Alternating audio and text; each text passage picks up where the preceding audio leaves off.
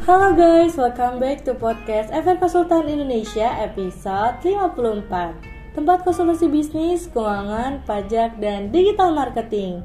Bersama gue Mutia Neta. Di episode kali ini gue akan menemani kalian dalam beberapa menit ke depan nih. Yang pastinya dengan topik yang seru dan membangun buat kaum milenial. Are you ready to be a billionaire at young age? Pastiin lo dengerin sampai selesai ya Halo para pejuang bisnis, gimana nih penjualan teman-teman kali ini? Kayaknya sekarang kita akan mengelola pengeluaran dan biaya pajak dalam berbisnis. By the way, kenapa sih pebisnis harus perlu membayar pajak?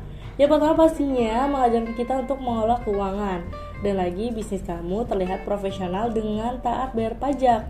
Dan kalau suatu saat nanti kamu butuh peminjaman untuk pembisnis akan lebih mudah. Terakhir, kita membantu menstabilkan perekonomian negara.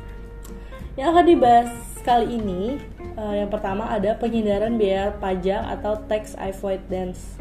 Tax avoidance ini atau yang juga biasa disebut dengan penghindaran pajak merupakan sebuah upaya efisien beban pajak dengan cara menghindari pengenaan pajak melalui transaksi yang bukan merupakan objek pajak. Nah, beberapa hal yang termasuk dalam kategori ini adalah pengusaha yang masih mengalami kerugian, mengubah tunjangan karyawan dalam bentuk uang menjadi pemberian natura, berupa barang seperti sembako, jaminan pendidikan, jaminan kesehatan, dan yang lainnya. Di mana Natura bukanlah merupakan objek pajak PPH yang tertuang dalam UUD Wirausaha pasal 21.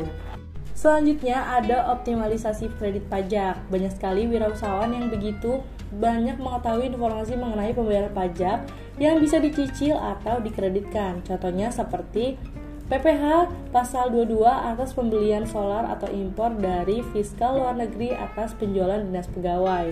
Nah, memanfaatkan dalam mengoptimalkan kebijakan ini adalah salah satu strategi yang bisa kamu lakukan untuk meringankan pembayaran pajak perusahaan. Hal ini tentu sudah sesuai dengan ketentuan hukum yang berlaku sehingga kamu gak perlu khawatir lagi. Selanjutnya ada mengutamakan keseimbangan pajak. Nah, sendari awal membangun sebuah bisnis, kamu sudah harus menempatkan keseimbangan pajak sebagai prioritas utama dari sektor pengeluaran yang harus dibayarkan. Nah, secara tradisional, perencanaan pajak dapat membuat kamu harus mempercepat kredit saat menunda pendapatan di mana mayoritas para pelaku bisnis biasanya membayar pajak dalam bentuk cash atau uang tunai, yang artinya mereka harus mengurangi pengeluaran ketika pengeluaran tersebut dibayar, dan mereka juga harus menyebutkan angka pendapatan ketika pembayaran sudah diterima.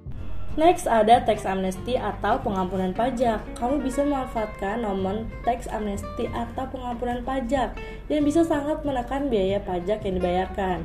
Nah, tax amnesty atau amnesty pajak adalah program pemerintah yang bertujuan untuk membuat para pelaku bisnis untuk menunaikan wajib pajaknya dengan meringankan biaya pajak dari nominal yang seharusnya dibayarkan.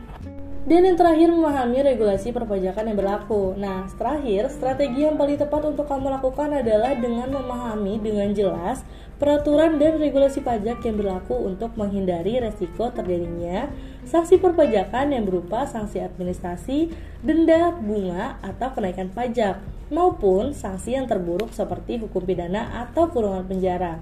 Kamu juga bisa menunda pembayaran pajak tanpa melanggar peraturan dengan penundaan pembayaran PPN. Oke, gak kerasa nih udah berada di ujung podcast kali ini. Gimana nih kira-kira pembahasan kali ini? Thanks banget nih buat para Gen Z yang udah dengerin sampai akhir di episode 54 mengenai tips efektif mengelola pengeluaran dan biaya pajak dalam berbisnis.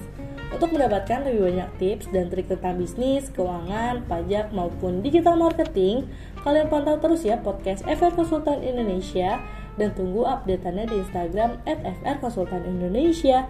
Oh iya, kalian juga bisa konsultasi gratis loh selama 20 menit pertama dengan menghubungi nomor 0813 8228 9991 atau mengunjungi website kami di frkonsultanindonesia.com.